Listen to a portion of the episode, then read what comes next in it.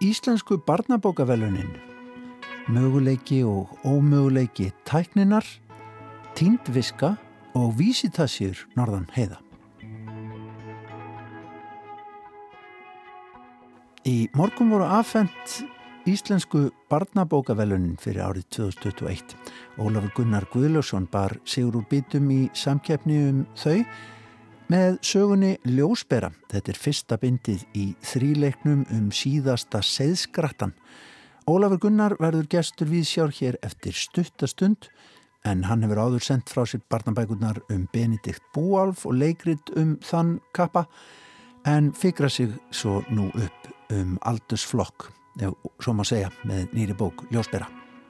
Ólaf Gerður Sigfúsdóttir, hún rínir í sjónmenningu fyrir okkur hér í Víðsjá og fjallar í þætti dagsins um síninguna Vísitasjur í listasafnu á Akureyri en það er að verk Bryndi Snæbjörnsdóttir og Mark Wilson. Snorri Rapp Hallsson, dasgrágerðamaður og textasmiður heldur áfram pislaröðsunni um möguleika og ómöguleika tækninar hér í Víðsjá. Í þetta skiptið flakkaran á milli kaupmannahafnar og vínar og veltir því fyrir sér hvernig borg internetið sé einlega. Við hugum einnig að þjóðsögum í þætti dagsins. Benjamin B. Olsson, gestakennari í heimsbyggi við Háskóla Íslands, mætir í hljóðstofu og segir Tómasi Ævari frá rannsóksinni á tíndri visku, visku sem hugsanlega má finna leifar af í þjóðsögum og ævindýrum. En fyrst, Sönn Saga.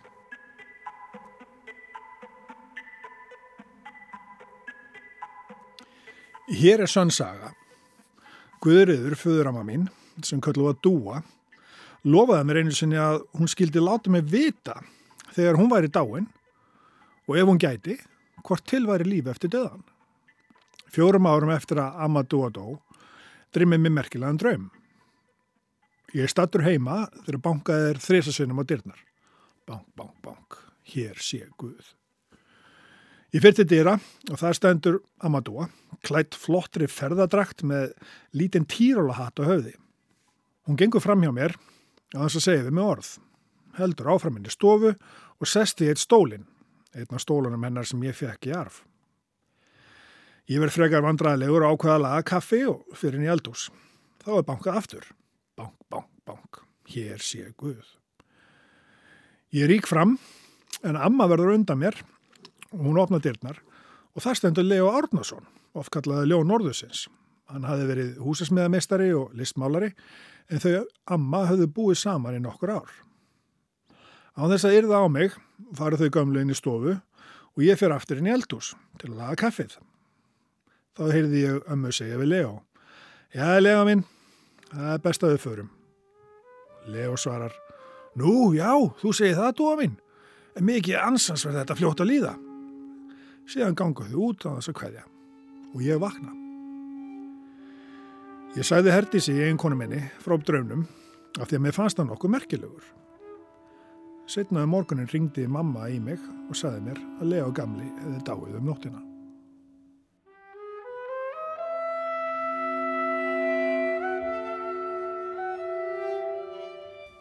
Hér var lesið úr formála glænýrar velunabókar.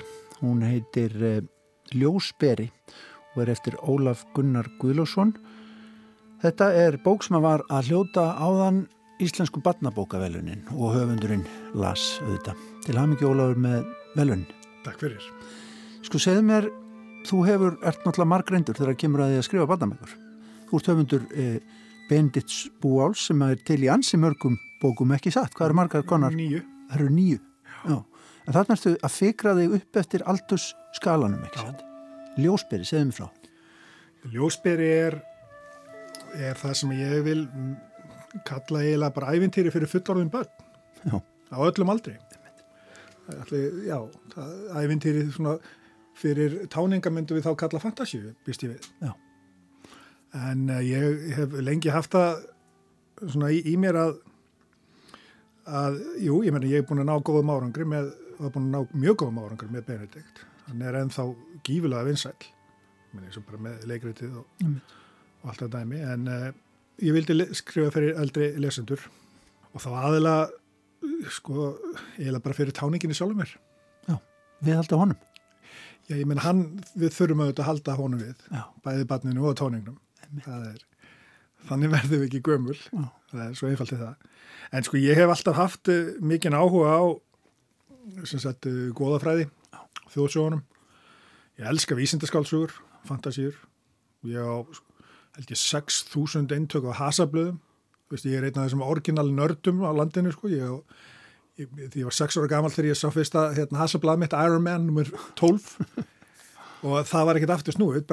Ég raun og veru frá þeim tíma þá hef ég viljað eh, búa til svona sögur, hvort sem, að, sem teiknari eða, eða höfundur og, og, og, og á sínu tíma var Benedikt mjög góð útrás fyrir mig, ég, er sem sagt grafiskur hannöður en uh, Benedikt var mjög góð útrás fyrir mig að skrifa mína sögu og síðan minnskreita mína eigin sögu.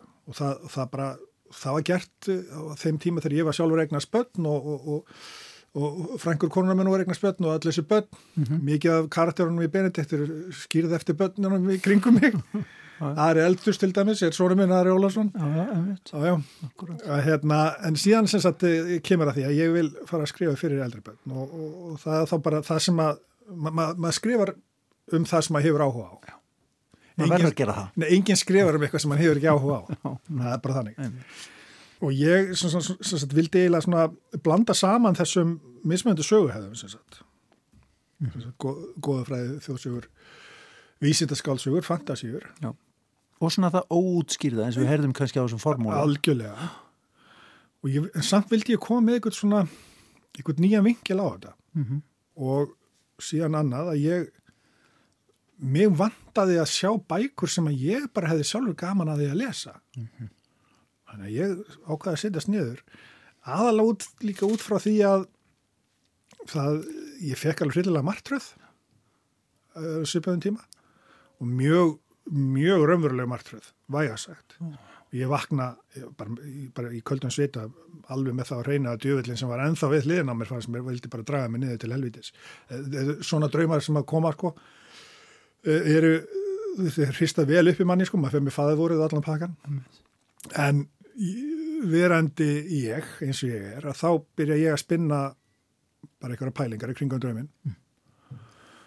Og þá fer ég að hugsa, ok, hvað, hvað gerist næst? Hvað, hvað ef, já, hvað ef, og það sé til alvöru táningur sem er að berjast við alvöru, alvöru djöfur í strömmáru sínum með alvöru afleðingum um hvað gerist við draumnum og ég ger hann skegnan hvað hann væri skegn þannig að mögulegna voru fjö, bara fjölmarkir og sagan byrjar að vinda upp á sig og og endanum er hún bara að heldtaka mig og ég hafði en, engan annan kost, ég bara varð að skrifa þessu sögu. Mm.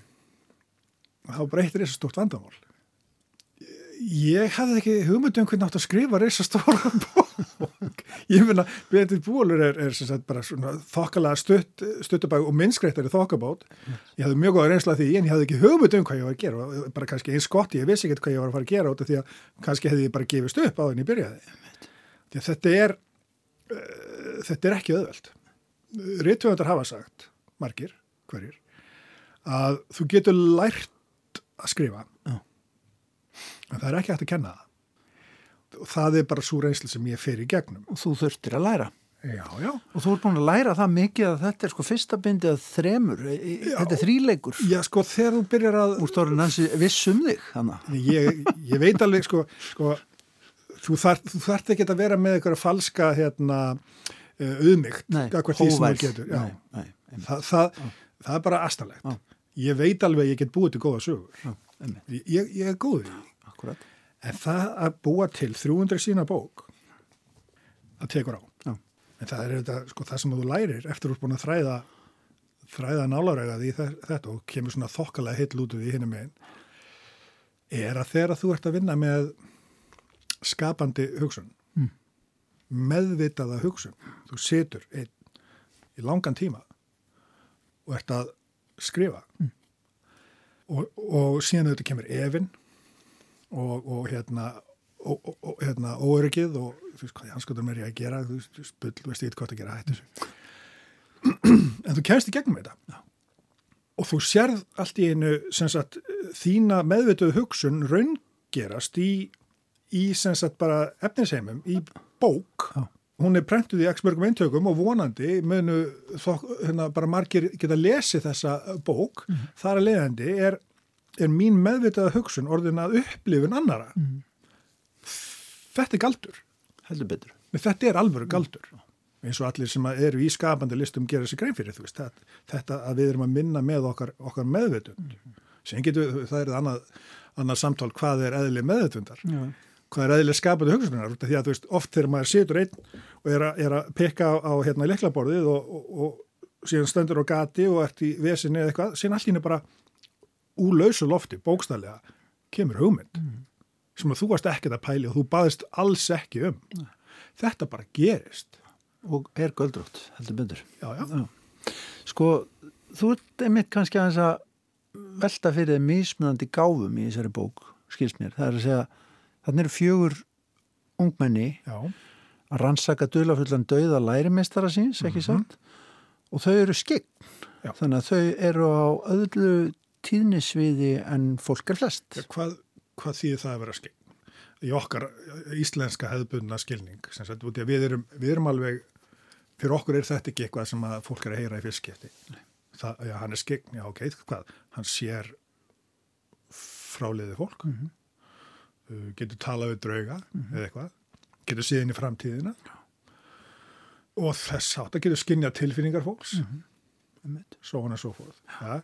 en sko til og með sko bandaríska eða, eða, eða breska og bandaríska hefðin sem sagt hvað var það svona bókmæntir orðið psychic mm -hmm. veist, to be psychic mhm.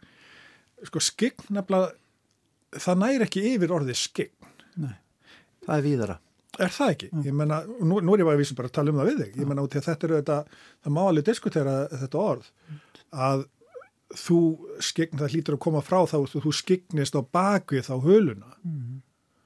Hulan sem að hérna, skilur að efnisheim og síðan alvöruheimin. Hvernig sem við lítum á það.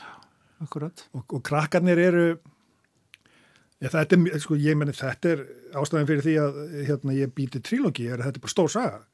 Einn bók bara hreinlega var ekki nóg. Nei. Ég fer með börnin, ja, veist, þessa, þessa unglinga, sagt, í gegnum ábáslega erfiðar aðstæður, bara fullorðis aðstæður. Það er ekkert vist að þau lifið af. Hættan er óuleg.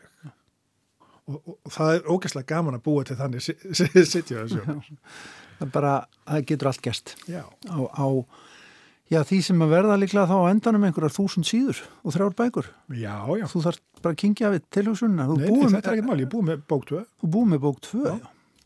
Búið með því. Svo bara Og síðan bók 3 Já, og sögur lög Já, í þessu en, en nei, já, ég er næstu búin að kæfta frá en hérna það má ekki hérna, síðan er ég, sko, ég, meni, ég er með, með þrjár aðrar nei, tvær aðrar trilógýr síðan í, í bíkja líka. Já, já. Þessi er svona uh, ofurnáttúruleg, ég segi ofurnáttúrulega og til það er ekki tilneitt sem heitir yfirnáttúrulegt. Mm.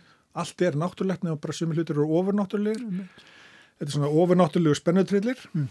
eða þá margir með að kalla þetta fantasíu, það eru þessa bækur, Ljósbyrri, fyrsta bókina því. Síðan er, kemur þá önnur trilógið sem er pjúra vísindaskálsa og ég að mínu mati hefur ekki verið ennþá búin til alvöru góð vísindaskálsa á íslensku. Mm og það er erfitt. Mm. Ég ætlaði að byrja því en ég var bara ekki tilbúin. Ég, ég er tilbúin í það núna. Mm. Og þriðja verður, já, indisleg fantasia. Já. Vá. ég, bara, ég komur aftur, ég er bara rétt svo að byrja. Gott, gott, gott að heyra. Ólafur Gunnar Guðlusson, til hafingjum með Íslensku barnabókavelunin og til hafingjum með Ljósbera, þess að falleg og spennandi bók, blá kápa og, og hérna lítið vel út. Ég bjóð bjó til kápana líka. Svo gerur það þetta.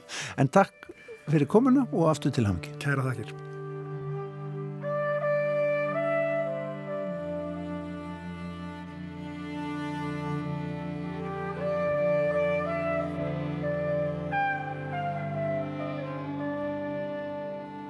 Nokkru tónar úr smiðju norska tónlistamannsins og trompetleikarans Arve Henriksen hér á eftir viðtali okkar við Ólaf Gunnar Guðlóksson hann tafa íslensku barnabókarvelunna Ólaf Gunnar hlaut þau ágætu velun fyrr í dag.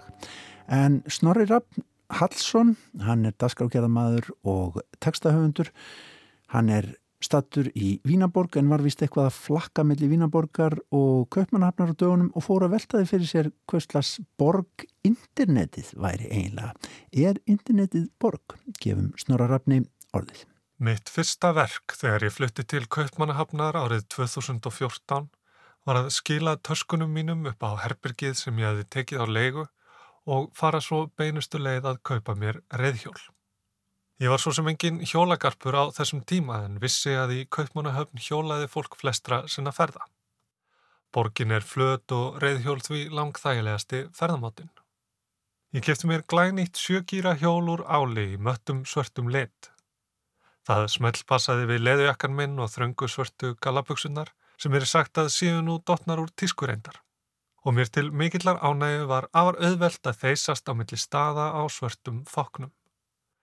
Ég held alltaf að mér líkaði ekki að hjóla en komst að því að mér er bara illa við brekkur. Vikuna áður en skólinn byrjaði rendi ég mér á hjólinu undir neonljósum á hlýjum höstkvöldum með vindin í hárinu. Ég upplýði mig frjálsari en nokkur sinni fyrr og hugsaði með mér af hverju þetta væri ekki svona allstaðar. En auðvitað getur þetta ekki verið svona allstaðar. Það er ekki á mörgum stöðum sem flattneskjan er svona mikil. Það vil bara svo til að í kaupmannahöfn eru kjör aðstæður og menningarlegar forsendur fyrir því að byggja upp nöðsynleg innviði fyrir góðar hjólasamgöngur. En flattneskjan er tvíbend. Fljótlega fór mér að finnast borgin loka mig inni. Mér fannst skrítið að sjá aldrei lengra en að næsta götuhortni saknaði þess að hafa landslagi kringum mig og sjá til sjávar. Og það allra versta við kaupmannahöfn er að þar er engin esja. Ekkert sem tengir hugan við eitthvað annað en bara borgina sjálfa. Það getur verið erfitt fyrir einhvern sem er alin upp í sjávarþorpinu Reykjavík að vennjast slíku umhverfi og hvernig það hefur áhrif á landslægið í kollinum. Í Kaupmannahöfn er þó sem betur fyrir margt annað. Vötnin, höfnin, líflegar götur þar sem allt getur gerst, eitthvað óvænt getur átt sér stað. Borgin er þannig skipulögð að þetta jafnast allt saman út. Í dag bý ég í Vín og hjóla varla lengur. Hér eru nefnilega brekkur og ringveirnir sem skipta borginu upp eru gerðir fyrir bíla, ekki fólk. Út um gluggana á íbúðinu minni á sjöttu hæð horfi ég söður yfir haf af malbyggi og bílum á einni stærstu umferðaræð borgarinnar. Ég sé lestarteina, skíakljúfa og hús svo langt sem augað eigir. Ekkert grænt, engin esja. En þetta er ekki allslæmt, langt í frá. Á næsta göduhorni get ég litið í norður. Séði gegnum gerfalla borgina út að Kalenberg, Esju Vínaborgar, þar sem vinnbændur rækta þrúur og íbúar og ferðamenn arka upp og niður til að njóta útsinnis og ungra vína. Það gerir mér eitthvað gott að fá þessa tengingu við eitthvað starra og meira á hverjum degi. Verð ekki alveg jafn bundin bara við það sem umlingur mig einmitt þá stundina. Hauðsinn þarf pláss og útsýni og ekki síst næði. Hér eru blómum bryttir gardar, leikvellir og líflegar götur eins og í kaupmannahöfn þar sem allt getur gerst. Hægt er að hugsa hvað sem er og finna þetta jafnvægi millir hins gráa og græna sem skiptir öllu máli. Fyrir lengur síðan bjó hér og starfaði í Vín Sigmund Freud nokkur. En hann hafði eitt sinn orða því að mannshuganum svipaði svo litið til borgar. Borgar sem hefur byggst upp og veðrast og verið reist á ný og lagst í rústir og endurnýjast yfir aldrinnar. Þar úir og grúir af allskynns leifum leiðinar tíðar í blandiði nútíman. Sum þeirra abla sem búa til landslæg hugans eru ómeðvitið eins og náttúruleg fyrirbæri á borði fjöll, dali, slettur, ár og höf struktúrin, eðlið og kvatirnar sem erfitt er að eiga við og stjórna. Maður þarf bara að vinna með það. Annað er svo afleiðing þess félagslega og manngerða samhengis sem við búum í. Heið meðvitaða og byggða umkörfi sem við breyðumst við og getum að einhverju leiti mótað, breytt, bætt, rifið niður og byggt upp aftur. Okkar verkefni er þá vantanlega það að skipulegja borgina þannig að hún þjóni sínum markmiðum að hugur okkar sé helbreyður í jafnvægi og virki vel. Í bóksinni Future Histories frá árinu 2018 tekur írsk-ástrálski lögfræðingurinn Lizzie O'Shea þessa hugmynd Freuds skrifinu lengra. Samkvæmt O'Shea er borg meðvituð tilraun til að takast á við náttúruna í saminningu, vernda borgarna gegn veðrum og vindum. Það samaskapi er nánast alltaf einhver viðleikni til að halda í græn svæði. Við þurfum alltaf að laga okkur að þeirri reynslu að búa í samfélagi en hugurinn þarf líka andrými og pláss til að velta fyrir sér hlutunum án áhrifa utanakomandi abla. Veröldin er að verða staður þar sem við lifum og störfum með og í gegnum internetið. Internetið er umhverfið sem við dveljum í langtímum saman. Umhverfið sem við þurfum að takast á við, læra að meta og aðlagast. Og á internetinu er ekkert landslag svo að segja. Það takmarkast jú af tiltækri tækni en þess fyrir utan ættum við að geta byggt hvernig borg sem er og þá þurfum við að hafa hugmyndum hvernig borg við viljum byggja. Borgir eru byggðar á ákveðin hátt til að vernda menningararf, auka sjálfbærni eða viðhalda jákvæðu aðdráttarafli, svo við getum notið ólíkra rýma eftir þörfum okkar. Þær geta einnig verið skipulaðar í þeim tilgangi að stýra samfélaginu og hindra tiltekinn samskipti. Því skiptir máli að spyrja hver fer með valdið, skrifar O'Shea. En við getum líka spurt okkur hvers konar borg er internetið. Í gegnum tíðina hafa margir bundið miklar vonir við netið að gagverknið þess myndi skapa nýtt almanna rými, þar sem fólk geti skipst á skoðunum og upplýsingum, átti samtalið þvert yfir heiminn og markfalda tengingar millir heims hluta. Samkvæmt þeirri sín ætti internetið að vera borg þar sem bókasöfn væri á hverju hortni, kaffuhús út um allt, agórur, torg og gardar þar sem fólk geti komið saman í góðu veðri hvena sem er. Fengið að vera það sjálft. Njóta menningar og samveru hvers annars mynda ný vinatengsl og uppgöta eitthvað óvænt. En við veitum hvernig það fór. Svo sín sem rættist kannski frekar er hugmyndunum internetið sem upplýsinga ofur hraðbrödd hugmynd sem komst á kortið þegar þeir Bill Clinton og Al Gore voru við völd. Og það sem kannski skýrir hvernig draumur var það martröð, hvernig bókunum og söfnunum var skipt út fyrir villandi bæklinga, hvernig kaffihúsin urður staðir til að rýfast á og torkunum var annarkvort breytt í bílastæði eða þau fylltust af uppáþrengjandi sölumönnum að tróða upp á mann óþarfa drastli, það sem skýrir það allt saman er svo staðreind að upplýsingarnar sem flæða um ofur hraðbröðina eru ekki fyrir okkur, heldur um okkur. Eftirlitskapitalismin hefur tekið stjórnina og mótar internetborgina eftir eigin höfði. Ósei líkir því við að dvelja í borg þar sem umhverfið breytist daglega. Færri almenningsgarðar og leikvellir, fleiri verslunamiðstöðar. Færri fjöllum brítir sjóndeldarhingir, fleiri blikkandi auðlýsingaskildi. Stafræn tækni býr til sögu um sjálfskilning okkar sem er nátengdur markaðnum. Svæði hugans er æfrekar skilgrind af neyslu í þeim tilgangi að auka við neysluna. Seg, segir þetta grafa undan sjálfræði okkar. Fyrirtækinn sapna gögnum um hegðun okkar og val og nota til að skapa ákveðna ímynd á okkur sem neytendum. Ímynd sem við höfum ekkert um að segja, ímynd sem er ekki af okkur eins og við erum. Hún eldir okkur svo sem skuggi um vídeovöktuð breyðstræti og hliðargötur hins stafræna heims og ræður því algjörlega hvað verður á vei okkar, hvert göturnar liggja. Viðbröð okkar við því eru svo skráð og nótuð til að finnbúsa þessar ímyndir og úrverður vítarhingur þar sem fyrri hegðun mótar þá kosti sem við stöndum frammiðferir og hægt og rólega hættum við að vera frjáls ferð okkar. Allir vegir liggja inn á upplýsinga ofur hraðbröðina og internetið er orðið að ömurlegri og illa skipulaðri bílaborg. Hvert og eitt okkar lokaðinn í þægilegu brinnvörðu hilki, hlustandi á okkar eigin sérsniðnu útvarstöð á okna hraða, þar sem ekkert verður á vegi okkar nema skoðanir sem okkur líkar nú þegar við, vörur sem við erum líklegt til að kaupa. Steipa svo langt sem augað eigir.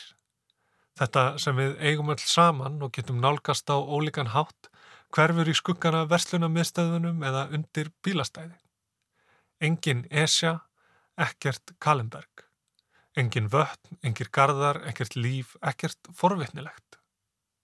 Þessi svæði þar sem maður getur séð eitthvað starra en sjálfan sig, þar sem maður hefur plást til að hugsa stórar hugsanir og upplifa heið óvænta, eru þó ennþá til sem rústir einhver staðar djúft undir malbygginu og í útjæðrinum.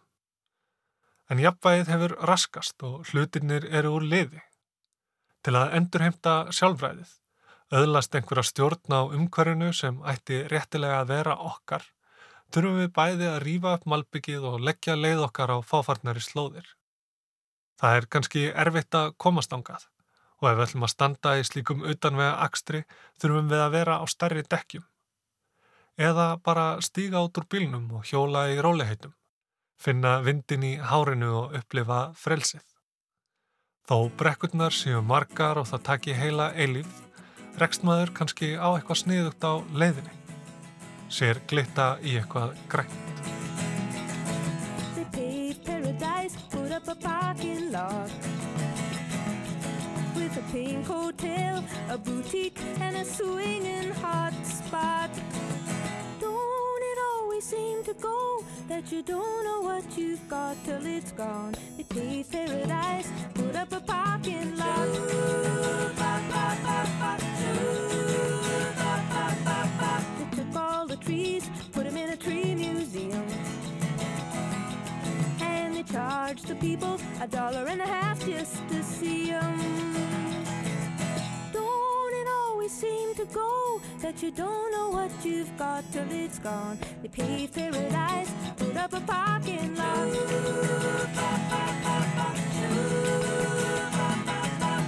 Hey, farmer, farmer, put away the DDT now. Give me spots on apples, or leave me the birds and the bees. Please don't it always seem to go that you don't know what you've got till it's gone. They paved paradise, put up a parking lot.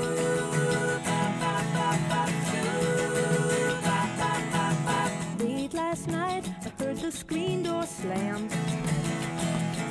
And a big yellow taxi took away my old man. Seem to go? that you don't know what you've got till it's gone. They paved paradise, put up a parking lot. I said, don't it always seem to go that you don't know what you've got till it's gone. They paved paradise, put up a parking lot. They paved paradise, put up a parking lot. A parking lot. Hérna eina sanna Joni Mitchell hér með Big Yellow Taxi á eftir Pistli Snorra Raps Hallssonar. Já um hvistlas eh, borg internetið sé einlega en Ólöf Gerður Sigfúrsdóttir hún rínir í sjónríni fyrir okkur hér í Vísjá. Hún fór norður yfir heiðar og skoðaði síninguna Vísitasjur Undanfærin 20 ár hafa þau Bryndís Snæbjörnsdóttir og Mark Wilson starfað saman á alþjóðavettvangi myndlistar. Fram að þessu hefur ekki svo mikið farið fyrir þeim í myndlistarsenunni hér á landi en nú ber svo við að yfirstanda tvær síningar samtímis á verkum þeirra. Annars vegar yfirlitt síningin Óræð Lönd, samtöl í sameilegum vittum í gerðarsafni í Kópavegi og hins vegar síningin Visitasíur sem opnaði fyrir stuttu í listasafninu á Akureyri. Auk þess að sinna stórum og þarfælegum myndlistaverkefnum er Bryndís einnig profesor og fagstjóri mestararnáms við myndlistadeild Listaháskólans og Mark er profesor við myndlistadeild Cambria Háskóla í Breitlandi. Þau staðsetja list sína sem svo kallaða rannsóknar og samfélagslist og miðla verkum sínum á menningarvettvangi í formi listsýninga annarsvegar og hins vegar á fræðilegum vettvangi í formi útgáfu og þáttöku í ráðstöfnum. Í rannsóknum sínum skoða þau Bryndís og Mark gerðnan samskipti þverst á tegundir, ímist milli mannfolks og spendýra, mannfolks og fuggla eða jafnvel mannfolks og plantna, eins og endur speklast svo vel á yfirlitsýningunu í gerðarsafni. Þannig afýpa þau hegðun okkar anspænis öðrum dýrum með því að skoða viðbröð okkar við þeim, hvernig við tákngerum þau og skilgreinum og ekki síst hvernig við aðgreinum okkur frá þeim. Þannig velta þau upp áriðandi og gaggrínum spurningum um samspil manna og annara tegunda með áherslu á hugtök eins og sambíli, móttökur og gestristni. Og þótt það sé í raun undantekning að manneskjur sjáist í verkum þeirra, þá er það maðurinn og mannleg haugðun sem er aðal viðfangsefnið. Sem myndlistamenn vinna þau verk sínað sjálfsögðu á forsendum listsköpunar en einnig nýta þau sér óspart aðferðir úr öðrum fræðasviðum. Þau leita þekkingar og reynslu hjá almenningi sem á vísindafólki eins og lífræðingum, landfræðingum, þjóðfræðingum eða grasafræðingum, svo dæmi séu nefnd. Aðferðin sem þau beita er að kafa ofan í æfiskeið hvers einstaklings fyrir sig og fylgja honum jafnvel eftir á tildæknu tímabili. Og þannig gefst okkur áhugaverð insýn inn í líf einstaklingana, hvort sem það er máfur, refur, kind, íspjörn eða örsmátt fræ. Til þessa nota þau brindi svo mark tækni og verkværi myndlistarinnar eins og til dæmis ljósmyndun þar sem þau setja sig bókstaflega í spór annara dýra og gera þannig tilraun til að horfa á heiminn með augum þeirra að því marki sem það er hægt. Mér langar í þessum pistli að fjalla sérstaklega um síninguna Vísitasýr í listasafninu á Akureyri en svo síning stendur mér nokkuð nærri þar sem ég hef starfað með listamennunum í rannsóknarferlinu sem síningin sjálf er afrakstur af. Það er þess vegna næsta vístað nokkurar slagsíðumunu gæta en hins vegar þykir mér síningin það mikil tíðindi að ég tel rétt að gefinni sérstakann gaum hér. Tíðindi, ekki bara fyrir myndlistarsviðið, heldur einnig fræðasamfélagið allt. Því verkefnið er heið fyrsta á sviði myndlistar sem hlotið hefur styrk úr rannsónarsjóði Rannís og markar þar með þann vendipunkt að listsköpun er formlega orðin viðurkendur hluti af vísindarsamfélaginu hér á landi. Sýningin er sem sé hluti af afrakstri þryggjára rannsónaverkefnis sem ber yfirskriftina Íspyrnir á villigötum og er unnið í samstarfi við fræðimenn við Háskóla Íslands sem á Erlendar stopnarnir. Viðfangsefnið er að skoða komur kvítabjarnar til Íslands í sögulegu tilliti og í samtímanum og meðar að því að rannsaka hvaða stað íspyrnir hafa í okkar samfélagi, hvort sem það er í stjórnsýslinu og lagaumhverfi eða mannlegu minni, hugmyndum fólks og ímyndun okkar um þessi dýr sem hafa óviljandi flækst hinga til lands frá ströndum Grænlands. Þannig vinna þau með mörg menningar, hugarburðs og veruleika og draga fram undirleikjandi merkingu sjónrætna og rítara heimilda eins og byrstist svo vel í klippimyndaröðinni þegar eitt skipti endurtekur sig. Og með því að beina sjónum að tildeknum dýrum fremur en tegundinni sem slíkri, takst þeim að skapa samkjönd og samlíðan með tildeknum einstaklingum. Þetta kemur einna helst í ljós í verkinu á heimsenda sem samanstendur af 15 silkibrendum af skönnuðum beinum af kvendiri sem rakst á land að hrauni á Skaga árið 2008 og hlaut þar sorgleg örlug sín. Einnig eru verkin Þerarfjall 3. júni 2008 og Hraun 17. júni 2008 afar áhrifarík en þau sínu okkur raunverulegar beinagrendur tveggja bjarndýra í sér útbúnum geimslökassum. Þetta eru beinagrindur af karldýri og kvendýri sem hafa verið fengnar að láni frá Náttúrufræðistofnun Íslands en liggja nú hér saman þjappaðar niður í enginnilega litlar og meinlausar hrúur. Með þessari sértæku og einstaklingsmiðuðu aðferð tekst þeim brindi sjómark ekki engöngu að vekja samkend og samlíðan heldur einnig að afbyggja öðrun dýrana í mannheimum ánþess þó að blætisveða dýrin eða romantisera náttúruna á nokkun hátt. Að vísu er alltaf hægt á að við sem áhörfundur föllum í gildru manngerfingar og tilfinningasemi en það getum við sem manneskjur illa slappið undan því að upplifa heiminn með þeim skinnfærum og reynslu sem við búum yfir. Eitt af því sem forður okkur hins vegar frá þessari gildru eru þær frásagnir, bæði leikmann á sérfræðinga sem þau listamennir setja fram á órið skoðan og óbreyttan hátt. Þessar beinu frásagnir sprengja upp sjónarhortnið og skapa rými fyrir ólíka tólkun og ólík tengsl og draga þannig úr prétugunartóninum sem kjarnan fylgir myndlist af þessu tægi. Þetta eru frásagnir sem alla jafna heldast úr lestinni í hefðbundnu rannsónaferli þar sem þær eru meðhendlaðar sem afskortningar eða auka afurður vísindana. Þar eru í raun affallið sem næri ekki inn í þekkingarsköpunina og endar aldrei í ritrindri grein eða bók. Dæm þetta er verkið Ursus Maritimus Íslandia 1880-2016 en einnig kemur þetta vel fram í mörgum verkum á síningunni gerðarsafni eins og til dæmis verkinu You Must Carry Me On og myndröðinni í tengslum við rannsóknarverkefnið Beyond Plant Blindness sem þau unnu í samstarfi við Grasagarðinni Gautaborg. Þannig má því segja að verk þeirra breyndisar og mark fylli ákveðið tómarum vísindana. Hér er myndlistin orðin að viðurkjöndum þekkingarmiðli um leið og hún er einnig aðferðafræðin sjálf. Á sama tíma eru verkin engin endanlegu niðurstaða, heldur kalla þau öllu fremur á nýjar spurningar og skapa rými fyrir nýja möguleika í samskiptum okkar mannfólksins við dýr eins og umkomuleisa kvítabirni saði Ólöf Gerður Sefúrstóttir um síninguna Vísitasjur í listasafnu á Akureyri. En Tómas Ævar, hann hitti áhugaverðan heimsbygging, já, í annað sinn.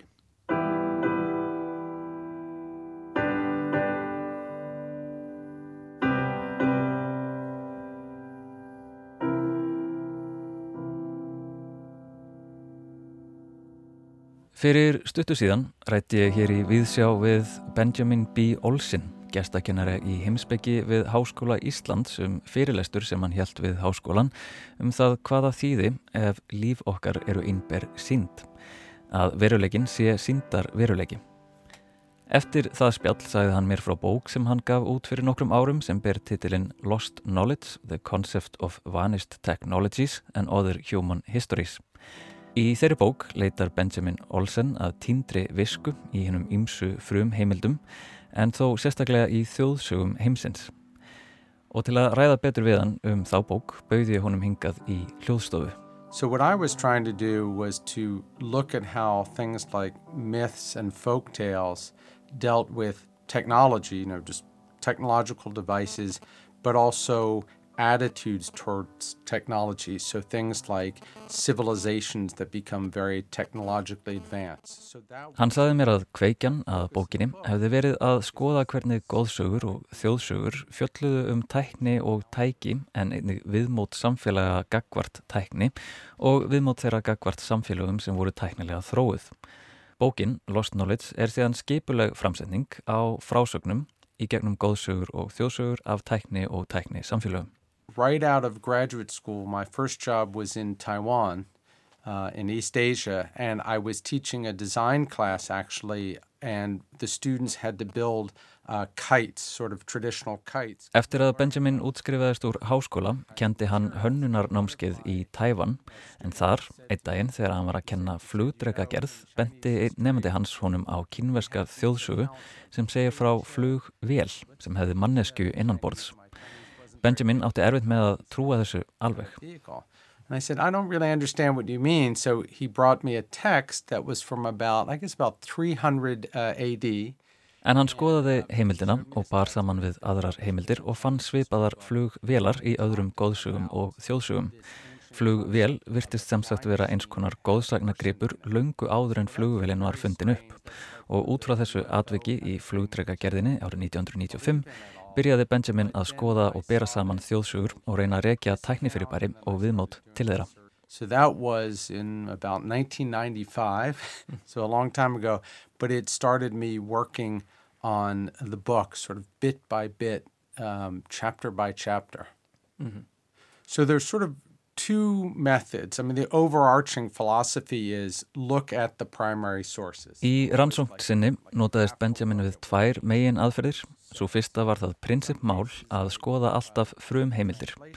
Stundum skoðaði hann þýðingar á tekstunum en ef tekstin var mikilvægur reyndi hann að nálgast tekstan á frum málinu.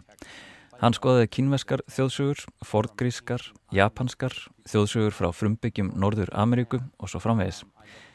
Setni aðferðin sem Benjamin notaðist við var runnin undan rivjum þjóðfræðings sem hétt William Irving Thompson og snýstum að gaumgæfa á kerfisbundin hátt allar lýsingar sem hver þjóðsega býður upp á til að afkóða hvað það er sem er nákvæmlega verið að lýsa. Sem dæmi um þá aðferð nefnir Benjamin nálgun Williams Irvin Thompsons á æfintýrið um Rapunzel í turnunum með langa hárið eða gardabrúðu eins og hún hefur gerðan verið þýtt á íslensku. Many, many years ago, and he spoke about the Rapunzel tale, which you probably have in Iceland, about the woman with the long hair. Mm -hmm. And he said, when we hear those tales as modern people, we just say, oh, that's a fairy tale, or we, make a Disney movie out of it. Þegar við heyrum slikar sögur í dag þá hugsa við, aha, já, þetta er ævintýri eða við búum til Disneymynd úr sögunni.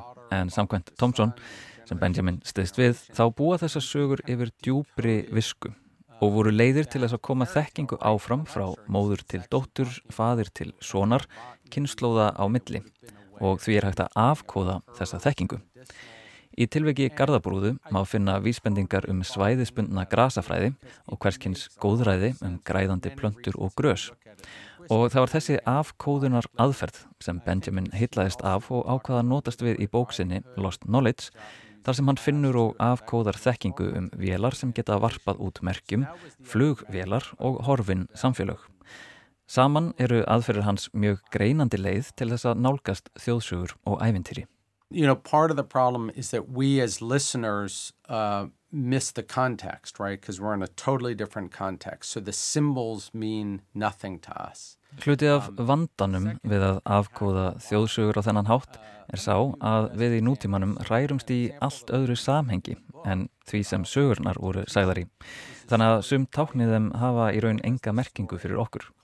En í þjóðsögum er mjög miklum upplýsingum líka pakkað inn í stuttafrásögn og dæmi um slikt er sagan af Ring Gigesar úr ríkinu eftir Platón. So the Ring of Gyges is, when you print it out, it's a one-page story from Plato. It's actually a folk tale that Plato himself adopts. So Ringur Gígesar er einnar blaðsíðu saga sem byrtist í ríki Platóns og er þjóðsaga sem Platón fær lánaða annar staðar frá. Og í henni er hver einasta setning þrungin merkingu. Hún fjallar um fjárhyrði sem er tánkgrænt í sjálfu sér, hann lendir í stormi sem er tánkgrænt, jörðin opnast fyrir honum og þar er hellir sem er mjög tánkgrænt fyrir Platón. Þar sér hann hest úr bronsi og í hestinum er risi. Allt eru þetta viðvörunabjöllur fyrir reyndari hlustendur sem síndar eru þarna í fjórum opnunarsetningum sögunar En þegar að nútíma maðurinn les þessa sögu innan um raugræður Platóns er hætt við því að hann hugsa með sér, já, þetta er nú bara dæmisaga um mann sem finnur ring sem gerir hann ósynilegan og rennir stóðum undir punkt glákonar í ríkinu um að manneskjan sé í kjarnan slæm. En það sem Benjamin vil rannsaka eru öll hinmerkin.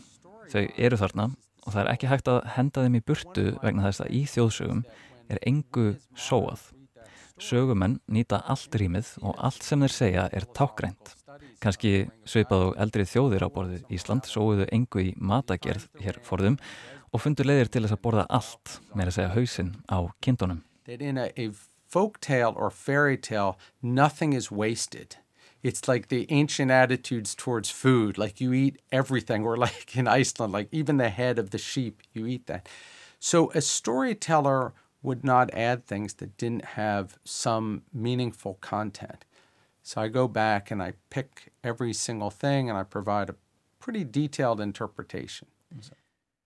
En þó svo að í ringi gíkesar komi fyrir bronshestar og reysar, þá má ekki taka öllum þessum táknum sem raunverulegum fyrirbærum. I do not take the track that these stories describe real objects or events.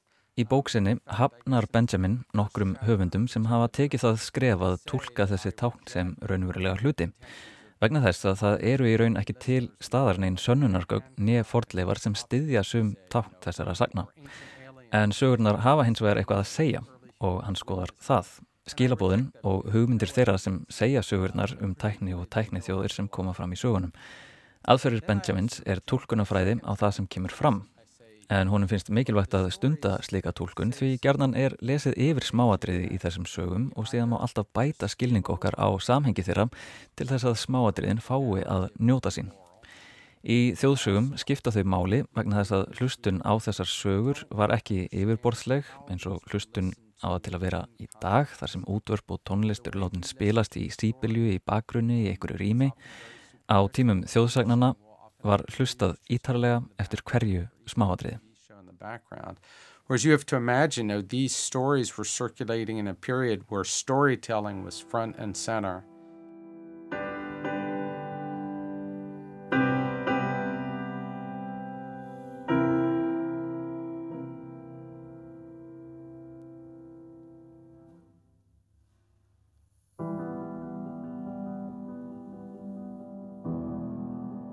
I find it interesting that a, society that we might look at as not very sophisticated technologically, like Greek society, ancient Greek society, they actually, even in that sort of proto technological phase of history, could kind of see where technology might lead them. Út frá rannsóknum sínum þykir Benjamin það aðtiklisvert að samfélag sem við myndum ekki skilgreina sem mjög tæknilega þróað eins og Ford Grist samfélag Gáttu samt á sínu fórtæknilega tímabili séð fyrir sér á hvaða slóðir tæknin gæti leittu. Sín þeirra var fyrir ekkar neikvæð í garð tækninar, eins og í þjóðsögunu um Gíges sem finnir ósýnileika hringin og gerir sæðilega hluti. Einnig er segjan um Atlantis nokkuð neikvæð í garð tækni framfara þess samfélags. Það var miklu hlut að tæknin að kenna að það samfélag leðist af vegna þess að það reyði ekki við hana. Nútíma dæmi um slikt væri kannski apaplánudan þar sem mennirnir skapa sér eigin ánöð með tækni þróun á genum apa. En uppáhaldsdæmi Benjamins af slikum tækni ógöngum er úr 1001 nótt þar sem er ævintýri sem heitir Látún borgin. Þar er líst borg í miðri Eidimörk sem er að öllu leiti úr málmi og hennar er gætt af sérstökum vélmennum en allir íbúar borgarinnar eru dauðir. Landkönnuður sögunar koma í þessa borg og finna alla íbúana á sínum stað við vinnum en enginn þeirra er lifandi. Literally find everyone seated in the, the city, you know, in the midst of their work but completely dead. En ég komst ekki hjá því að spyrja Benjamin hvort einhver íslensk þjóðsaga hefði ratað í bókina hans. That, you know, so Benjamin vill byggja hlustendur velverðingar á því að hafa ekki gert íslensku þjóðsugunum skil en það skrifaði hann bókina nokkrum árum áður en hann kom fyrst til landsins og kynntist íslenskri menningu. En einnig reyndi hann að vinna með þau tungumál sem hann skildi á þeim tíma. En árið 2018 kom hann hingað sem ferðamæður og kynntist þjóðsugum um huldufólk og heitlaðist um leið og hugsaði með sér að huldufólkið hefði passað vel inn í bókinu hans Lost Knowledge. En í þessari heimsónsinni sem gestakennari við Háskóla Íslands núna hefur hann haft tíma til að kynna sér þjóðsögurnar lítilega og þá sérstaklega þær sem fjalla um huldufólk. En hann flokkar þær með þeirri tegund þjóðsögna sem við skiljum en skiljum samt eiginlega ekki. Í þjóðsögum eru gerðan skýr skil millir góðs og íls. Það eru draugar eða tröll sem fólkið í sögunum þarf að flýja eða berjast við. En huldufólkið finnst honum áhugavert af því það hefur ekki þennan skýra illa vilja gegn okkur, heldur er það mjög líkt okkur en er samt einhvern veginn í bakgrunni tilverunar. Þau koma úr öðru samfélagi, jafnvel frá öðrum tíma en byrtast okkur, eiga jafnvel í samskipti við okkur en hverfa síðan á braut og skilja eftir sig ráðgótu. Þetta svipar vissulega til sögunar um Atlantis og Gíges þar sem gömul samfélag komast í snertingu við nútíma samfélag og hafa áhrif á það með tæknisinni. Hér á Íslandi, eigu þar sem nánast engin bjó, er þetta huldufólk sem er gætt göldrum en galdrar í þjóðsögum geta verið táknum tæknilega yfirbörði og þau eru hér en samt ekki hér og klárlega valda meiri en við. Þetta er frásagnartækni sem Benjamin kannast vel við en langar að leggja meiri stund á í framtíðinni, skoða hvernig þeim er líst og hvað þau gera og hvernig þau sína sig. So it's a trope I really have seen before, but I want to explore much more about how they are described, what they do, how they present themselves, etc. Mm -hmm. Benjamin B. Olshin, thank you very much for the talk. Thank you, Tomas. Thank you.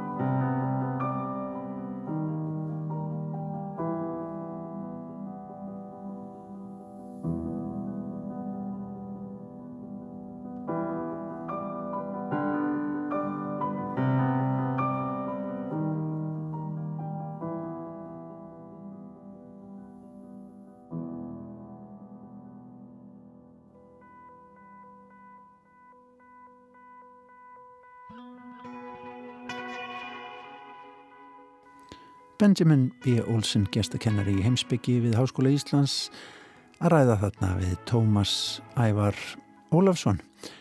En um, tónlistin í þessu einslægi hún kemur úr smiðju Philips Glass. En svona ætlum við að ljúka við sjá í dag ágættu hlustendur verðum hér aftur á morgun klukkan 16.05 eins og venjulega. Takk fyrir samfélgina, verið sæl